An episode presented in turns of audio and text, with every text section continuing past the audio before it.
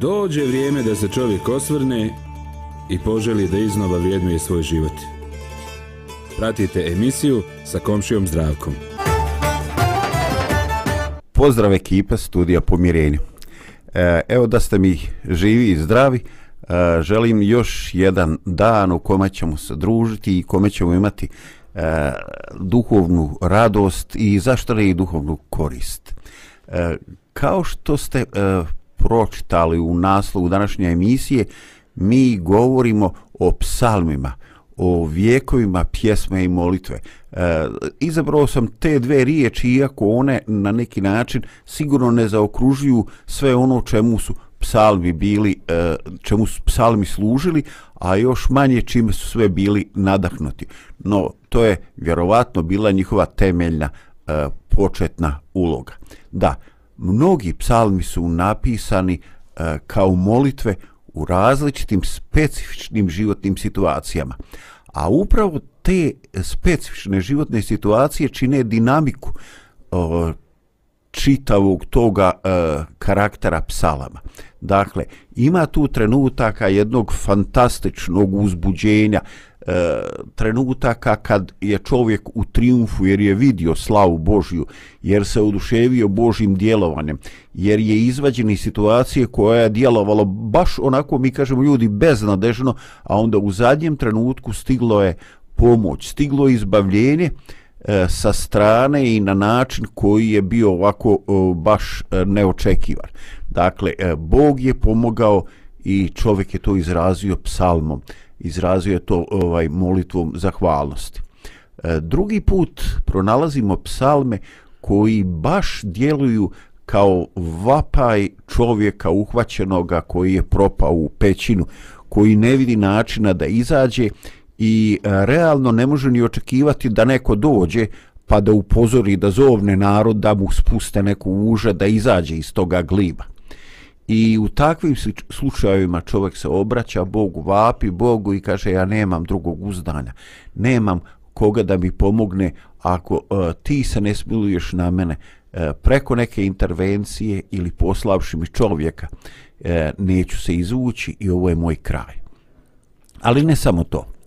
Psalmi su uh, bili uh, nešto što je bio sadržaj E, ne samo dakle molitvi u po izraelskim zbornicama ili kad bi se sakupljali u hramu, nego i kad bi hodočastili u hram. E, kažem to jer e, su i Izraelci koji su živjeli van glavnog grada, čak kad je to bilo daleko, trudili se na neki od velikih praznika bar jednom da odu ovaj u hram da tamo prinesu žrtvu i da budu dionici e, te vjere koja je ostala još od Avrama. E, dakle, e, uloga, uloga psalama je bila višestruka i takav je i njihov tip. I kroz vijekove koji su e, prolazili, e, znači štampani su i posebno kao psaltir, korišteni su e, kao bogoslužbena knjiga, e, pjevani na jeziku razumljivi narodu, pjevani na latinskom, staroslovenskom, sve zavisi od tradicije koja je u pojedinom kraju dominirala. E, No, ovaj, kako god, eh, oni stvarno pripadaju eh, nečemu što je eh, istinska tekovina eh, te civilizacije. Imaju eh, značajnu književnu vrijednost eh, i imaju nešto zajedničko, iako autor psalama nije jedna osoba. Iako mi kažemo da se eh, da je autor velikog dijela psalama eh, car David, E, mi ipak znamo po uvodima psalama da su to bili ovaj e, i drugi ljudi koji su to ostavljali nekad je to bilo posvećeno za konkretne situacije a jednostavno drugi put je ostajala kao ostavština e, narodu, zbornici onima koji su ovaj doći poslije i ljudi su brižljivo skupljali vršili trijažu i nadoknuće učinilo da ono što je najvrijednije i što je od opšteg značaja ostane do danas. I danas sam zamislio da upravo ta zadnja izjava bude nešto što će e, biti ideja vodilje za današnju emisiju. Dakle, čitajući razne psalme, svjesno ili nesvjesno, e, mi odaberemo jedan ili nekoliko psalama koji su na neki način bitni, koji nas e, dotiču, koji na neki način e, vrše e, definišu možda naše neko specifično životno iskustvo ili trenutno raspoloženje e, ili šta god uglavnom mi se s tim nek, na neki način identifikujemo ili ako ne sa nečim što je bilo možda kopija našeg ličnog iskustva mi smo fascinirani onim što je pokrenuto u srcima i umovima tih ljudi koji su pisali te psalme. I ovaj e, tako sam i želio ovaj danas e, da vam e, dajem riječ i da zajedno s, sa nama ovaj e, podijelimo taj vaš e, psalam koji čak ne mora biti identičan u svakom periodu vašeg života, ali vi recite šta je trenutno, da pročitate dio ili cijeli psalam, ako nije predugačak, i da jednostavno kažete e, naše utiske, A i mi ostali da ne čutimo, da, je, da kažemo koliko to nas dotiče, e, bez obzira što možda nismo ga spomenuli kao naš e, dominantni psalam. Eto, e, možda je to dovoljno ovaj za uvod i ispravljam pogrešku. Eto, ovaj pozdravljam čitavu ekipu. Mariju, Lidiju, Milana, uh, ovaj i želio bi da današnji dan bude nešto što će nam pomoći da otvorimo srca i podijelimo jedni sa drugima i s našim uh, e, slušaocima uh, e, autentičnost i svoga traženja i svoga životnog puta i svoje žeđi za gospoda. Rekoh, možda je to posve dovoljno za prvi put, e, ja vas poz, ovaj, pozdravljam i želim bi, Milane, ovaj, da napravimo jednu muzičku pauzu.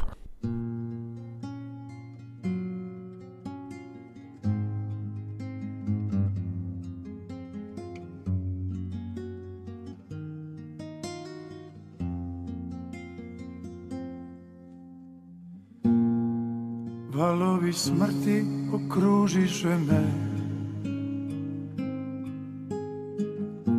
Prestraviše bujce pogubne Užad podzemlja sputiše me Smrtonosne zamke padoše na me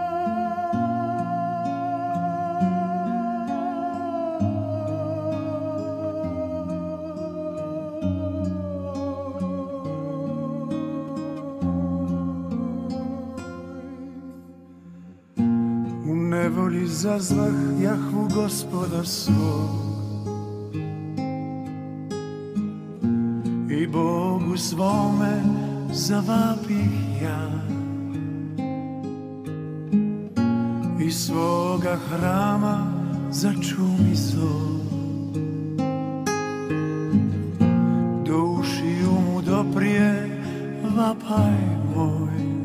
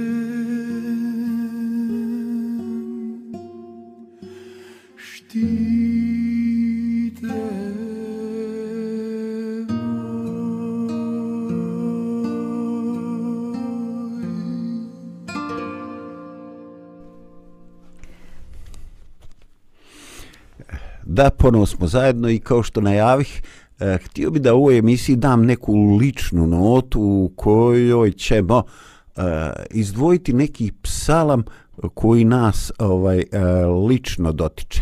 Pa pošto je ekipa ono 2-2, a ovaj, ajde možda Lidija, ovaj, ti, ti raspolažeš dužim iskustvom pa da ovaj počnemo sa tobom ovaj, e, vjerujem da su psalmi prisutni bili u tvom domu od najranijeg djetinstva, od kad se sjećaš e, sebe, porodice, e, roditelja ovaj, i vjerujem da si u, možda čak i u neko rano doba imala neki psalam koji je privukao tvoju pažnju i danas bih htjeli, ako je moguće, da podijeliš sa nama dio te svoje intime, ovaj, da nas na neki način onima koji ne znaju taj psalam i upoznaš sa psalmom, a onda e, da kažeš e, zašto to na neki način u tvome umu, u tvome srcu taj psalam zauzima posebno mjesto. Eto, onoliko koliko ovaj e, smiješ i možeš da kažeš. Eto, izvoli. Hvala ti puno, zdravko.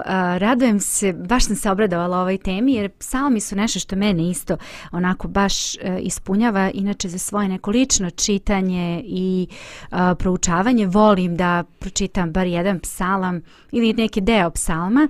I e, kao što si rekao, eto i od najranijeg detinstva, ovaj, psalmi su nekako bili prisutni u našem domu. Čitali smo ih često i ne samo čitali, nego i učili na pamet. Tako da sam kao mala mnoge psalme, ne mnoge, ali nekoliko psalama znam ovaj, na pamet, a mnoge znam da pratim, znaš kad neko čita onda već znam šta će se desiti unapred i pratim i, i onako u sebi ponavljam ovaj, te tekstove i um, meni psalmi puno znače. Um, e sad, psalam koji sam izabrala za danas e, nije psalam koji sam možda eto u detinstvu uh, ni shvatala ni razumela tako kao što ga možda sad shvatam u nekim zrelijim godinama, ali sam se odlučila za njega jer mm, nekako mi je onako baš bio blizak i kad sam razmišljala juče rekla sam hajde taj psalam. Ovo nije jedan, ovaj jedini psalam koji, koji mi je onako najdraži, ali je jedan od dražih psalama psalama i kad god a, se čita uvek volim da ga čujem onako do kraja. Vidjet ćete sad o čemu se radi i zašto sam baš a, njega izabrala. Ti si, ti, ti si ovaj, e, kao na Facebook što imaš omiljene prijatelje ili favorit da, u nekim eto. opcijama. E, to je u tebi jedan od e, grupe favorit. E, baš tako, tako jeste. Tako da, eto, odlučila sam se znači, za, za ovaj jedan psalam. Um, eto, ja bih pozvala naše slušaoce i gledaoce, ako sada prate ovu emisiju, da otvore svoje Biblije ako ih imate. Ako ih nemate, probajte da nađete online Biblije. Ako imate fizički Biblije u ruci, jako je lako naći psalme. Znači, sredina Biblije. Bukvalno otvorite sredinu i vidjet ćete gore piše psalam. I ja sam za ovaj put izabrala psalam 73. Pa eto, ako neko želi, možete naći znači, u Biblijama, otvorite sredinu i nađete psalam 73. I zanimljivo je da se psalam 73, a to ću malo i kasnije da spomenem, nalazi baš nekako na sredini, s obzirom da imamo 150 psalama. 73. psalam je tu negde na sredini psalama. I sad imate, ako sad to možda nije toliko važno, ali eto čisto i to da spomenem, onako psalmi se dele na nekih, na nekih pet delova, um, pet knjiga psalama su postojale i e, ovaj se psalam nalazi tako negde otprilike u nekoj trećoj knjizi uh, na početku. I a, e, s obzirom da ovaj psalam malkice duži, znači 28 stihova ima, ja neću čitati a, e, čitav psalam, ali ću pratiti znači u toku uh, onoga što bih željela da, da iznesem zašto je meni ovaj psalam bio eh, važan ja ću neke stihove naravno i pročitati. Pa evo možda da krenemo sa prvim stihom uh, koji kaže ta dobar je Bog Izraelju onima koji su čista srca. E sad trebamo uh, znati da je, da je psalam, ovaj psalam napisao Asaf, znači nije David, Poli, na kraju krajeva nama je i sve jedno. Kogoda je napisao, bitna nam je onako poruka koju je žela da nam uputi. I na samom početku vidimo da, da Asaf nekako ode čast i, i hvalu Bogu i on kaže da je Bog super prijatelj sa onima koji su čistoga srca. Šta znači oni koji su čistoga srca? Znači oni koji, znaš ono kad se kaže neko je čistoga srca, neko ko je koji je onako otvoren, dobar, spreman da, da primi, da uči i tako dalje. I kada krenemo sa, sa čitanjem ovog psalma, obično, ne znam kako vi recimo kad čitate neku knjigu, obično pročitamo uvodi zaključak i to nam je sasvim dovoljno. I u ovom slučaju to bi trebalo da bude ovaj slučaj, ali nije. U ovom slučaju vidimo da ovaj psalam počinje sa jednom rečenicom A kao da u stvari psalam počinje ovim drugim stihom. Kao da ovaj prvi psih, psi, i onda iz stiha u stih nekako on potire to što je u stvari rekao, a to je da je Bog, Bog dobar onima koji su čistoga srca. I on kaže čekaj malo sad jeste to tako, eto ja to kažem i to jeste tako, to je činjenica. Ali sad ću da ti ja objasnim zašto ja ne mislim da je to baš tako. I onda kaže drugi stih, a noge moje umalo ne zađoše, umalo ne poslu, po, uh, popuznoše stopala moja. Kao, kao da on kaže umalo da izgubim poverenje u tog Boga koji je dobar onima koji su čistoga srca. Umalo se tu nešto nije dogodilo. I onda on kaže zašto? Evo sad ću da ti objasnim o čemu se radi. Kaže gledam tamo one bezbožnike. Gledam tamo one svoje komšije ljude oko sebe i vidim, kaže on, kako bezbožnici dobro žive. I on, šta, šta to sve podrazumeva da oni dobro žive? Pa sve im nekako ide kako treba. Šta god da krenu da rade, sve im ide dobro. Znači, u čemu se radi? On kaže, a, prvo oni osjećaju neki duboki mir koji ja ne mogu da objasnim uh, jedno, ne, ne vidi se da su uznemireni što zločine, a, a ovaj... Uh, A osjećaju se dobro, znači meni je to nekako paradoksalno, kaže prorok. Znači imaju neki čudan mir u svom srcu koji ne znam čime da objasnim, a, a ne rade uh, kako treba. A ja sve činim dobro, radim, trudim se, pa stalno neki nemir osjećam kako bih, video da li nešto još postoji kod mene što mogu da, da e, u, ovaj, promenim kako bih bio bolji. I onda on, druga stvar, on kaže, um, život im nekako prolazi u blagostanju. Znači, sve im nekako ide kako treba. Imaju kuće, auta, porodice, poslove, sve im nekako, kod god pogledamo, oni nekako uživaju. Sve im je super, sjajno. I kaže, uživaju u blagostanju čak do smrti a i smrt koja im dođe, nekako im onako dođe blaga neka smrt, nemaju neku silnu bolest pa da se pate, pa sve im nešto ide kako treba. Kaže, ne znamo čemu se radi. A, postoji još jedna stvar, kaže, osjećam neku pometnju zato što... A, Znači, ne, i kazna koju dobiju ti ljudi koji ne, neke stvari ne rade kako treba, previše je blaga. Ja recimo, sad se sećam, ovaj, dešavalo se tako da, ovaj, sad malo, malo digresija, da opravdam svog supruga koji stvarno vodi računa kako, kako vozi u saobraćaju i baš onako pazi i gleda i da pusti pešake kad treba i na crveno svetlo i svašta nešto i brzina, trudi se da baš onako. Međutim, desi se nekad da napravi neki prekršaj I njega odmah zaustavlja policija. Ajmo, dobar dan gospodine, dajte nam svoje isprave i kreće priča. Ja baš pomislim u sebi, pa čekaj ljudi moji, baš je nepravedno. Ono je tamo pretiče, razumeš, prelazi crveno svetlo, radi sve katastrofe stvari. Njemu ide super, nikad ga ne zaustavi policija, znači samo ga nekako zaobiđe. A mi sve trudimo se, radimo, a nikako da ovaj a a nas eto zaustave tako. Ovaj ja mislim da je psalmista razmišljao u, u ovom pravcu, znači da se nekako čini da svi ti ljudi ovaj čine katastrofe stvari, a ide im dobro. Um, I još jedna stvar, on kaže ja ih ne vidim uopšte da rade ja radim od jutra do sutra, znači imam osmočasovno radno vreme, ali to kao i da ne važi. Znači ja radim i kad odem kući i kad nisam na poslu i kad treba da spavam, ja sam stalno u tim nekim mislima vezano za posao, znači radim, a plata mi ta koja je tu neka. A on, znači plata kao da je predsjednik države, a ništa ne vidim ja da on nešto radi, da se sad preterano trudi, da, da ima nekih... Ovaj, palom sjekira ume, da. A, pa tako nekako, nešto se tu čudno dešava, je tako? A ja se trudim, radim, a, sve činim što treba i a, sad ja sam to pokušala malo da prebacim u neku naše vreme. Vi kada čitate ovaj stihov, ja ih neću čitati, ali ću vam ostaviti kod kuće, vidjet ćete kako ovaj psalmista Asaf, kako on ovaj, govori šta se sve sa njima dešava. On kaže izbuljeno im je oko od, ne znam, od hrane, od pića, od svega i tako dalje. Podsmevaju se i svašta nešto on govori. I kaže da oni sami, znači ti ljudi sami govore, kaže kako će razabrati Bog? Zar višnji zna? Kao koga briga za Boga? Ma daj da uživamo dok smo na ovom svetu. Ne, nema pojma, Bog nije uključen uopšte u moju realnost, u svakodnevni život.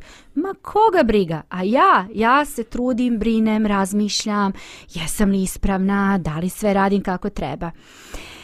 I tako dalje. I onda kaže, ovaj, a ja, što on kaže ja? Kaže, 13. stih, dakle, uzalud čistim srce svoje i umivam bezazlenošću ruke svoje. Čistim srce svoje, znači razmišljam o tome jesam li ja dobar kolega na poslu, e, jesam li ja dobar roditelj, jesam li supruga dobra, pa trudim se, radim i svašta nešto. I šta on kaže? Kaže, stadoh razmišljati u 16. stihu, da bih ovo razumeo, ali beše to teško u očima mojim. Ne mogu ja to da shvatim, nije mi jasno zašto se to dešava. Dok, konačno, ključan stih kaže najposle ne uđuh u svetinju Božju i doznah kraj njihov. Ovo je ključni stih. Ovdje dolazi neko razrešenje svega toga. Svetinja podrazumeva sud Boži. Jednoga dana jednoga dana doći će trenutak kada će Bog sagledati sve to. Naravno da Bog gleda i, i, i danas, ali jednoga dana kada bude došao sud, Bog će reći, ok, hajde da vidimo uh, kako je šta ko radio u, u svom životu, šta si danas radio, jesi li se trudio, jesi li činio neke stvari kako treba. Jer po našoj logici, ako si dobar, treba da ti je dobro. Ako si zao, treba da ti, da ti sve ide zlo. Međutim, mi ne vidimo to uvek, ali jednoga dana doći će sud koji će sve to da razotkrije. Um, I kaže tamo ovaj, pred kraj ovog psalma, Uh, moram reći, ovaj stih kaže na klizavo, 18. stih kaže ta na klizavo mesto postavio si ih i basaš ih u propast. Znači ipak koliko god da oni onako, sad imam ove klizone, kako se već zovu, ovaj, izgleda kao da lebde, fino oni tu hodaju u trenutku će se desiti pad. I e, kaže ovako, onda kada nisam to sve shvatao, 22. stih, bio sam, ne, bio sam neznalica i ne razumevah. Kao živin će bijak pred tobom. Jednostavno nis, nisam mogao sve to da shvatim i da razumem. I onda kažeš, i onda kaže ovaj psalam u 23. stihu, ali sam svagda kod tebe, ti me držiš za desnicu svoju. Tu sad dolazi razrešenje ovog psalma. Jednoga dana doći će sud i on će kazati ko je gde, ko je šta radio, ko se kako ponašao. A, jednoga dana će se sve razotkriti. Zato psalmista kaže ja ne želim da idem od tebe Bože, jer hoću da me ti držiš za svoju desnu ruku, da budeš sa mnom i da me vodiš. Desna ruka je nekako osjećaj sigurnosti da je Bog sa nama čak i u tim nekim teškim okolnostima I on kaže, a koga imam na, teb, na nebu i s tobom ništa neću na zemlji. Pa nije toliko bitno, dobro je da, da živimo na ovoj zemlji, da uživamo, ali nije toliko bitno ako neke stvari možda ne funkcionišu kako treba. Jednoga dana, gospode, ti ćeš to sve izvesi na dobro. Um, I onda tamo pred kraj on kaže uh, e, 27. stih, jer evo koji odstupiše od tebe ginu, ti istrebljuješ svakog koji čini preljubu ostavljajući tebe. To je ta neka duhovna preljuba e, gdje nam je sve drugo milije nego sam Bog. Znači, ako nam je Bog u centru, Bog će voditi naš život i dok smo na ovoj zemlji, a jednog dana kada bude došao sud, Bog će reći, hej, hajde da vidimo šta se tu dešavalo u toku života. I zato psalmiste na kraju završava psalam, a meni je dobro biti blizu Boga. Na gospoda polažem nadanje svoje i kazivaću sva čudesa tvoja. Kako psalmista počinje da dobar je Bog Izraelju onima koji su čista srca, tako psalmista i završava. A meni je dobro biti blizu Boga. Na gospoda polažem nadanje svoje i kazivaću sva čudesa tvoja. Um, mnogo toga bi se još mogla reći na temu ovog psalma. Uh, tek mi nadilaze misli, ali mislim da možda ovdje možemo ovaj, istati i, i izvući jednu pouku, a to je da dobro se ipak isplati i na ovom svetu i danas, ali jednog dana kada Bog bude ovaj, pregledao naše živote i odlučivao šta i kako će biti sa nama, Bog ipak dobro poznaje i vidi svakoga od nas pojedinačno i odlučit će pravedno onako kako, kako zaista treba. Hvala ti Lidija. Uh, Milene, pa vrijeme nam je i za drugu muzičku pauzu, je li tako?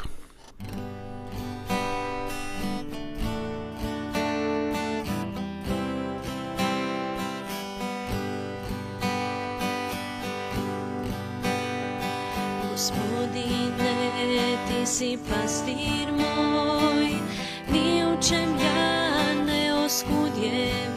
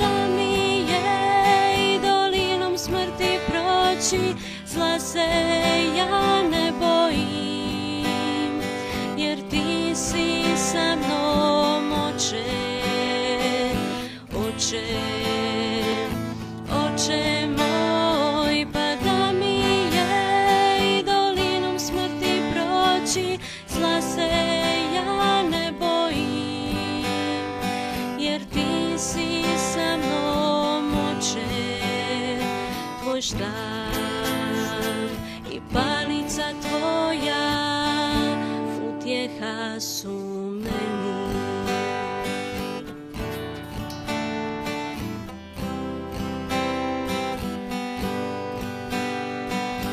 Kad bezu predam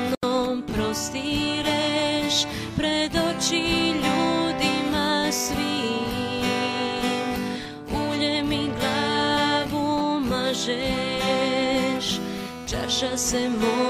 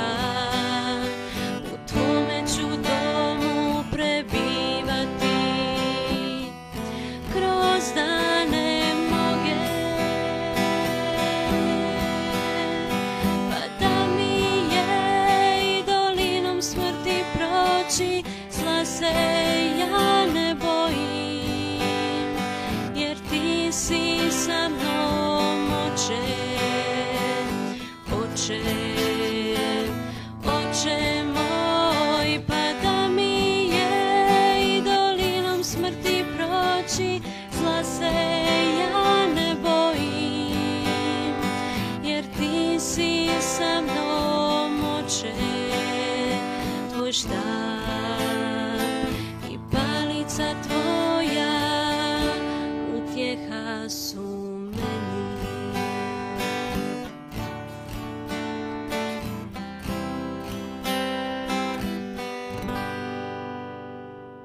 Evo Milane, definitivno ovaj, psalmi su nešto što je čudo i što buđuje ne samo naše osjećane, nego naše misli i naše asocijacije. I ovaj, e, videli smo to i u Lidinom primjeru, a, ovaj, a, sad, a sad da čujemo i tebe ajde malo razotkri nam dio tih svojih eh, osjećanja koja su proizišla iz čitanja i susreta s psalmima. Može, može. Ovaj, ja vas nečem preko svojih slušalica, da li mene čujete preko mog mikrofona? Čujemo, tali je poprilično slabo. Dobro. A, psalam koji sam izabrao je 103. Ja imam naime tri omiljena psalma, to su 8. i 103. i 139. i svaki od njih ima nešto posebno. A ovaj psalam ovaj psalam e, mi je, mi je drag zbog toga što, što otkriva e, Boži stav prema nama i onda kada, kada smo e, slabi, kada učimo svoje neke promašaje i neke grijehe, um, često se čovjek osjeća, ja sam se osjeća tako da, da, da sam ljut i kiva na sebe, a također je opterećen time kako se to odražava uh, onda, onda na neki način projektujem te, ta svoje osjećanje na Boga i, i smatram da i Bog je tako nekakav ljutit i da se distancira od mene. I, um, i 103. psalam otkriva na neki način Bože srce prema ljudima koji, koji su slabi i koji su, i koji su grešni. Evo, čitam. Čitam iz jednog e, savremenijeg prijevoda, možda vam bude drugačije zvučalo, ali mislim da će biti interesantni. Um, Zahvaljuju gospoda dušo moja i sve što je u meni njegovom svetom imenu. Zahvaljuj gospodu dušo moja i ne zaboravi sva dobročinstva njegova. On je taj koji ti prašta grijehe, koji sve tvoje bolesti iscijeljuje, koji ti život otkupljuje od grobne jame, koji te ljubavlju i samilošću okružuje, koji te dobrima siti, pa ti se mladost obnavlja kao oru. Gospod pravedno i pravo postupa sa svim potlačenima. Svoje puteve obznanio Mojsiju, svoje dijela narodu Izraelovom gospod je sažaljev i milostev, spor da se razgnjevi i prepun ljubavi. On neće stalno optuživati ni dovijeka se gnjeviti. Ne postupa s nama prema našim grijesima, niti nam, vra, niti nam uzvrća prema našoj krivici. Jer koliko je nebo visoko nad zemljom, tolika je njegova ljubav prema onima koji ga se boje. Koliko istog daleko od zapada, toliko je naše prestupi udalje od nas – kao što se otac sažali na djecu, tako se i on sažali na one koji ga se boje. Jer on zna kako smo sazdani, sjeća se da smo prah. A čovjek, njegovi dani su kao trava, kao poljski cvijet cvjeta, vjetar preko njega pređe i nema ga. I više ga se ne sjeća njegovo mjesto. A ljubav gospodnja od vječnosti je do vječnosti na onima koji ga se boje. I njegova pravednost na djeci njihove djece. Koji se, na onima koji se drže njegovog saveza i sjećaju se da njegove naloge izvršavaju. Gospod je svoj prijestav postavio na nebesima, njegovo carstvo vlada nad svima. Zahvaljujte gospodu njegovi moćni anđeli, koji činite kako vam se kaže, i njegove riječi se pokoravate. Zahvaljujte gospodu sve vojske njegove, vi njegove sluge koje njegovu volju izvršavate. Zahvaljujte gospodu sva djela njegova na svim mjestima njegovog carstva. Zahvalju gospodu dušo moja.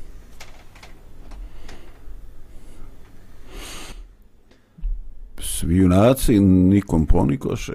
Ovaj, pa vjerujem da bi ti mogo još da nam kažeš neku riječ. Ovaj, eh, zašto je ovo tvoj favorit? koji pojam, koja riječ i koji ključni misao je iz toga nešto što te je ponukalo da to izdvojiš? Pa, ne, kao što rekao hranije... Mikrofon samo bliže. A kao što rekao hranije, ovaj, sviđa mi se ovaj psalom zato što on pokazuje, otkriva kakav je Boži odnos prema nama i onda kada je naš odnos prema nama samima um, na neki način da smo, da smo kivni na sebe, da smo opterećeni krivicom, da smatramo za sebe da nas, da nas Bog ne voli, da, da se Bog distancira od nas i da, da na neki način Božja ljubav je ohladnjela ovaj, zbog toga što smo mi uča, učinili što, ili što smo propustili da učinimo. A, tako da, da ovi neki stihovi koji govore a, kako otac a, e, žali sinove, tako gospod žali one koji ga se boje i koliko je nebo visoko od zemlje, toliko dalje od nas bez zakonja naša, govore kako, kako se Bog odnosi prema nama, čak i onda kada, čak, kada smo pogriješili da, da, da Bog nije prestao da nas voli, već naprotiv, da, da njegova ljubav se možda tad najintenzivnije ispoljava. Da, ovo je, ovaj, ovo je, ovo mi je fantastično. Znači, uglavnom, naše ovo zemaljsko iskustvo, o, svi te vole kad si dobar, i svi te vole, reći će oni, ovaj, e, ironično će reći, svi te vole kad od tebe imaju nešto. Ali ovaj u onome trenutku kad e, postaješ, kad imaš problem, e, onda neki će ljudi reći e, nećeš moći kad ne mogneš pomoći sebi e, doživećeš da možda budeš e, omalovažen ili odbačen čak i od onih za koje e, misliš da su ti da su ti jako bliski da i tu je neka nekakav stav naš otprilike čim nešto bez obzira koliko si nastojao ili kakvim se životno živio, kad nešto zabrljaš, e odmah ćeš dobiti iza, iza ušio što, što se kaže. Međutim, otkriva se da Bog nije takav kao, kao otac, kao roditelj, da je on, da je on drugačiji i, i otkriva se ta njegova blagodat o kojoj smo ranije pričali, ta nezaslužena naklonost. I, i posljedno u stihu desetom gdje kaže ne postupa s nama prema našim grijesima, niti nam uzvraća prema našoj krivici. S drugim riječima, Bog ne samo da, da je spreman da oprosti, već on u principu daleko, daleko bolje prema nama postupa nego što mi to svojim životima i svojim dijelima zaslužujemo. Mhm.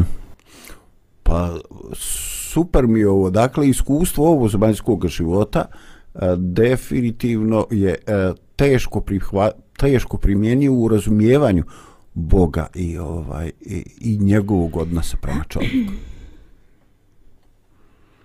Lidija, je li se to meni čini ili, ili ovaj, si ti podstaknuta da nešto tu dodaš? Ne, ne, samo se zakašljava. A, dobro. da, razmišljajući o psalmu koji je Milan pročitao. Ovo je isto jedan od mojih omiljenih. dobro, dobro. Ovaj, Milene, pretpostavljam da je to ono što si želio da nam, da nam podijeliš. Ovaj, e, ajde da kažem, razumijem, razumijem čoveka koji je ovo stavio favorit, favorit e, psalme. Uh, e, baš mi sad krivo što nemam neki bolji, manje profani izraz u, nego koristim ovaj tehnički. Ali ovaj, jeste tako. Ova, I pogotovo što sam već rekao, a da možda ipak da ponovim, e, imamo problem ako pokušavamo naše zemaljsko iskustvo e, primijeniti na razumijevanje Božje prirode. Ovaj, e, problematično je ako Boga posmatramo kroz našeg ovo zemaljskog oca. E, E, problematično jer su to samo slike koje e, samo dijelimično ocijaju tu realnost. Dakle, e, idealna kombinacija je kad e, čovjek od Boga saznaje kroz svoje lično iskustvo Božjeg e, uticaja, uplitanja u njegov život. Da. Mm.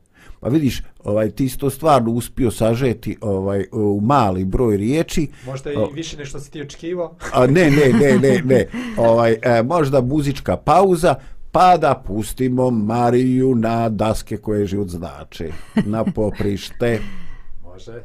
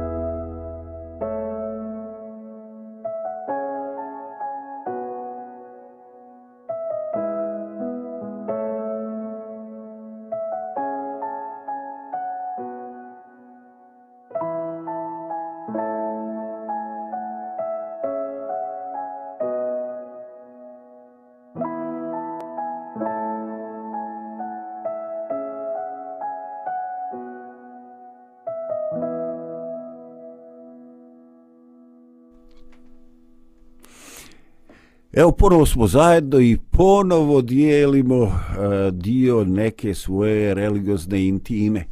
E, I zaista, ako postoje dijelovi Biblije koji gotovo redovno izazivaju reakcije čoveka, ne samo na misaonom, nego i na tom emotivnom planu, to su trenuci kad se čitaju e, psalmi, kažem, nevezano za autore, evo i Lidija na početku nam čitala je Lasafu psalmi yes. bješe.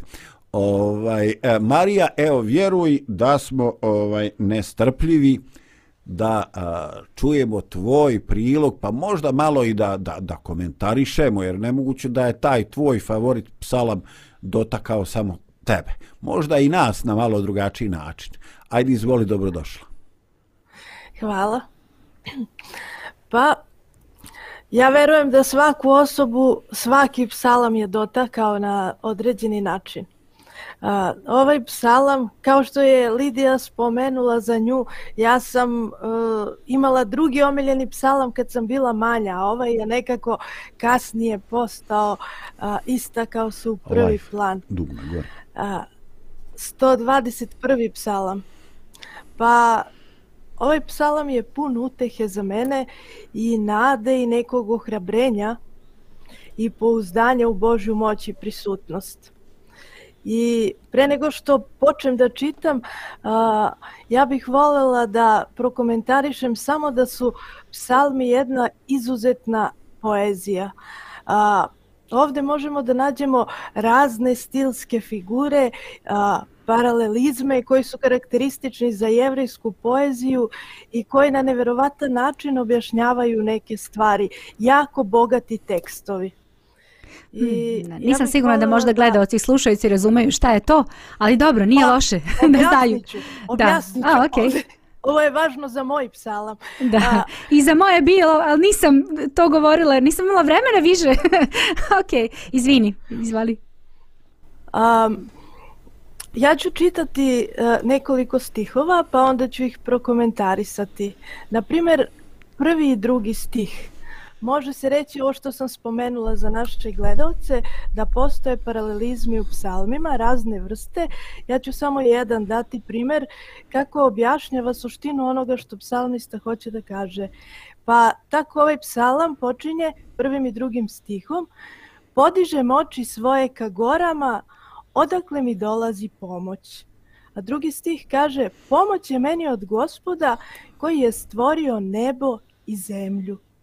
I ova dva stiha su na neki način paralelni. Psalmista na početku kaže nešto što ja doživljavam svaki put kad prolazim kroz neku nevolju, da podižem oči svoje ka gorama. E sada zašto ka gorama? E, neće mi gore pomoći, ali a, ako poznajete druge psalme, e, biblijski psalmisti stalno a, gospoda Boga nazivaju kamena goro, a, goro na kojoj se ne bojim zla i gora je na neki način metafora za Boga. A onda u drugom stihu psalmista još to objašnjava. Nije gora neka planina koja je moje pouzdanje, nego sam gospod Bog za koga je gora samo, da kažemo, jedna stilska figura metafora. E sada ono što je interesantno jeste da je to Bog koji je stvorio nebo i zemlju. Znači, jedan tvorac čitavog univerzuma je moj pomoćnik kome se ja molim. Jedno, jedno zaista veliko i snažno ohrabrenje za ljude u teškim trenucima njihovih života meni je stvarno fascinantno kada sam počela da čitam Bibliju i kada sam to shvatila da onaj ko je tvorac i ne samo da nas je stvorio, ona se održava do ovog trenutka, svaki naš dah drži sve u svojoj ruci. On je onaj pomoćnik kome možemo da se obratimo u svakoj nevolji. I onda dalje psalam nastavlja i kaže a, sada za gospoda, neće dati da popuzne noga tvoja ne dremlje čuvar tvoj. Gle, ne dremlje i ne spava čuvar Izrailjev. I onda potvrđuje i kaže, gospod je čuvar tvoj, gospod je sen tvoj, on ti je s desne strane. Ovo zaista su a, tako bogati stihovi. Ja pokušavam da sažmem, ali to je tako teško sa ovim stihovima. Zamislite ovo. Gospod Bog se brine za svaki naš korak i neće dozvoliti da naša noga sklizne. Ja bih voljela da zaista i naše slušalce ovi tekstovi hrabre onako kako mene hrabre u mom životu. Ovaj tekst kada kaže ona ne drema, ne samo da ne spava, nego i ne drema. Znači, gospod je budan svakog trenutka. I sada, ne samo što je on budan, i pazi, nego tekst dalje nastavlja i kaže, on je tvoje, tvoja senka. Znate šta je senka? Kada vi idete, izađete na ulicu i senka uvek ide za vama. Nikada se ne možete osloboditi senke koju baca vaše telo. I onda psalmista kaže, takav je Bog, čuvate i ide sa tobom kao tvoja senka i ovde tvoj čuvar. Ja moram da kažem ovde još jednu stvar. A, biblijski jezici su jako bogati. Ja, moje mišljenje je da smo mi jako osiromašeni a, jer nemamo takav jezik da prikažemo te slike iz biblijskih jezika. I na primjer kad ovde kaže pisac da je Bog naš čuvar, a, on daje asocijaciju na jednu reč hebrejsku koja potiče od jednog korena koji označava o, gustu ogradu, gustu živicu, bodljikavu žicu a, od koje niko ne može da priđe. Znači, gospod te tako čuva da te je tako ogradio da si zaista potpuno siguran. I onda a, na kraju ovde zadnji stihovi kažu danju te neće sunce ubiti ni mesec noću. Gospod će te sačuvati od svakoga zla. Sačuvat će dušu tvoju, gospod. Gospod će čuvati ulazak tvoj i izlazak tvoj od sad i do veka mislim da ovde nemamo vremena za, da sve prokomentarišemo, ali ovaj psalam obuhvata to da će gospod zaista da nas sačuva u svakom trenutku našeg života, u svakakvim okolnostima, on je tu prisutan i ništa ne može da ga spreči i da ga odvoji od nas da bude tako blizu kao naša senka. I ja bih voljela na kraju da jednu poruku našim gledaocima poručim da svaki put kada podižemo svoje oči ka Bogu i kada tražimo njegovu pomoć da budemo svesni da otkrivamo snagu koja nadilazi naše vlastite sposobnosti. Onaj ko je tvorac čitavog univerzuma, on može da reši naše probleme i da preoblikuje naše živote i u njemu je naša sigurnost. Ude čoveče, ti to onako u cugu sve ovaj, mi slušamo, staće malo da nešto uskočimo, da se nešto ovaj prokomentarišemo, ali ovaj e, definitivno, definitivno nemam što da kažem, ti si to sve uobličila. Ovaj, e, eto, ako dozvoliš, e, taj neki narativ modernog života gde smo mi nekako usvojili da smo onoliko ovaj sigurni, koliko imamo neku podršku, koliko imamo ljudi koji su iza nas stoje i čak smo napravili onu kovanicu nekada davno, pa nisam ja repa bez korijena. Ovaj, dakle, već se u osnovnoj školi ovaj drugari organizuju prave neke e, društvanca, trojica, četvorica ovaj e, jer se tako osjećaju, osjećaju sigurni i na razne druge načine bliskost e, e, porodice, njihov društveni uticaj, financijska stabilnost i šta god ne.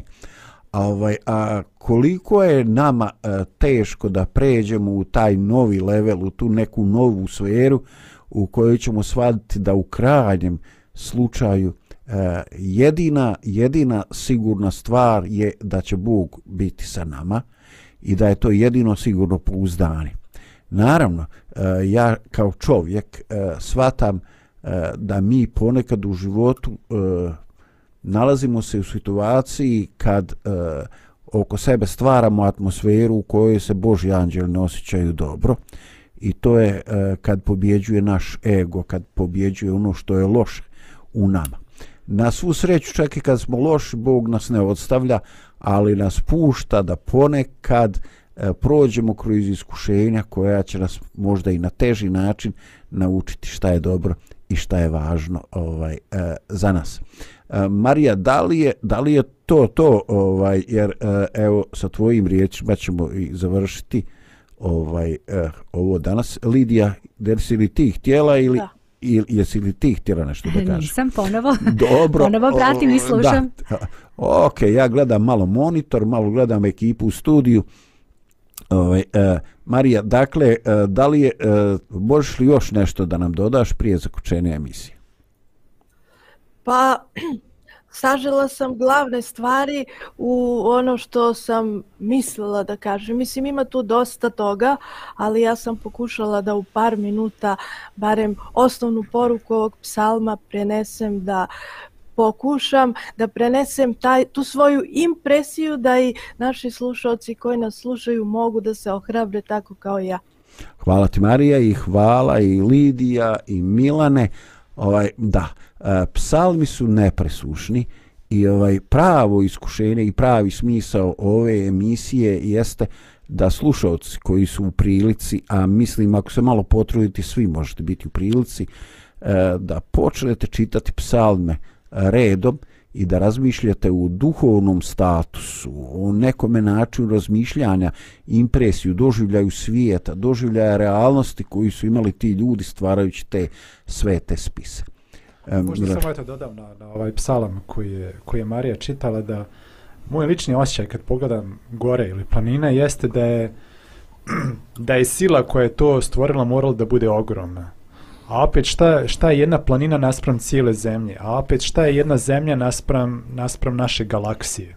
Zaista, zaista vrlo sićišna. A šta je jedna galaksija na, naspram 200 milijardi koliko pusti u svemiru? Ili, ili do 400, ne zna se tačno. Drugim riječima, a, pogled na gore nas ispunjava nekim strahopoštovanjem pred silom koja je, koja je stvorila te gore, a, a ta opet sila nije ništa naspram Bože sile koja je to stvorila. I onda, i onda nas to ispunjava pouzdanjem da je taj moćni Bog koji je stvorio te gore vrlo sposoban da razriješi sve naše probleme u, u našem životu. Milana, Lidija i Marija, hvala vam na izdašnoj pomoći u realizaciji današnje emisije. E na kraju, ponovo pozdrav za sve slušalce Radio Pomirenja i slušamo se i dalje. Pozdrav. Pozdrav. pozdrav.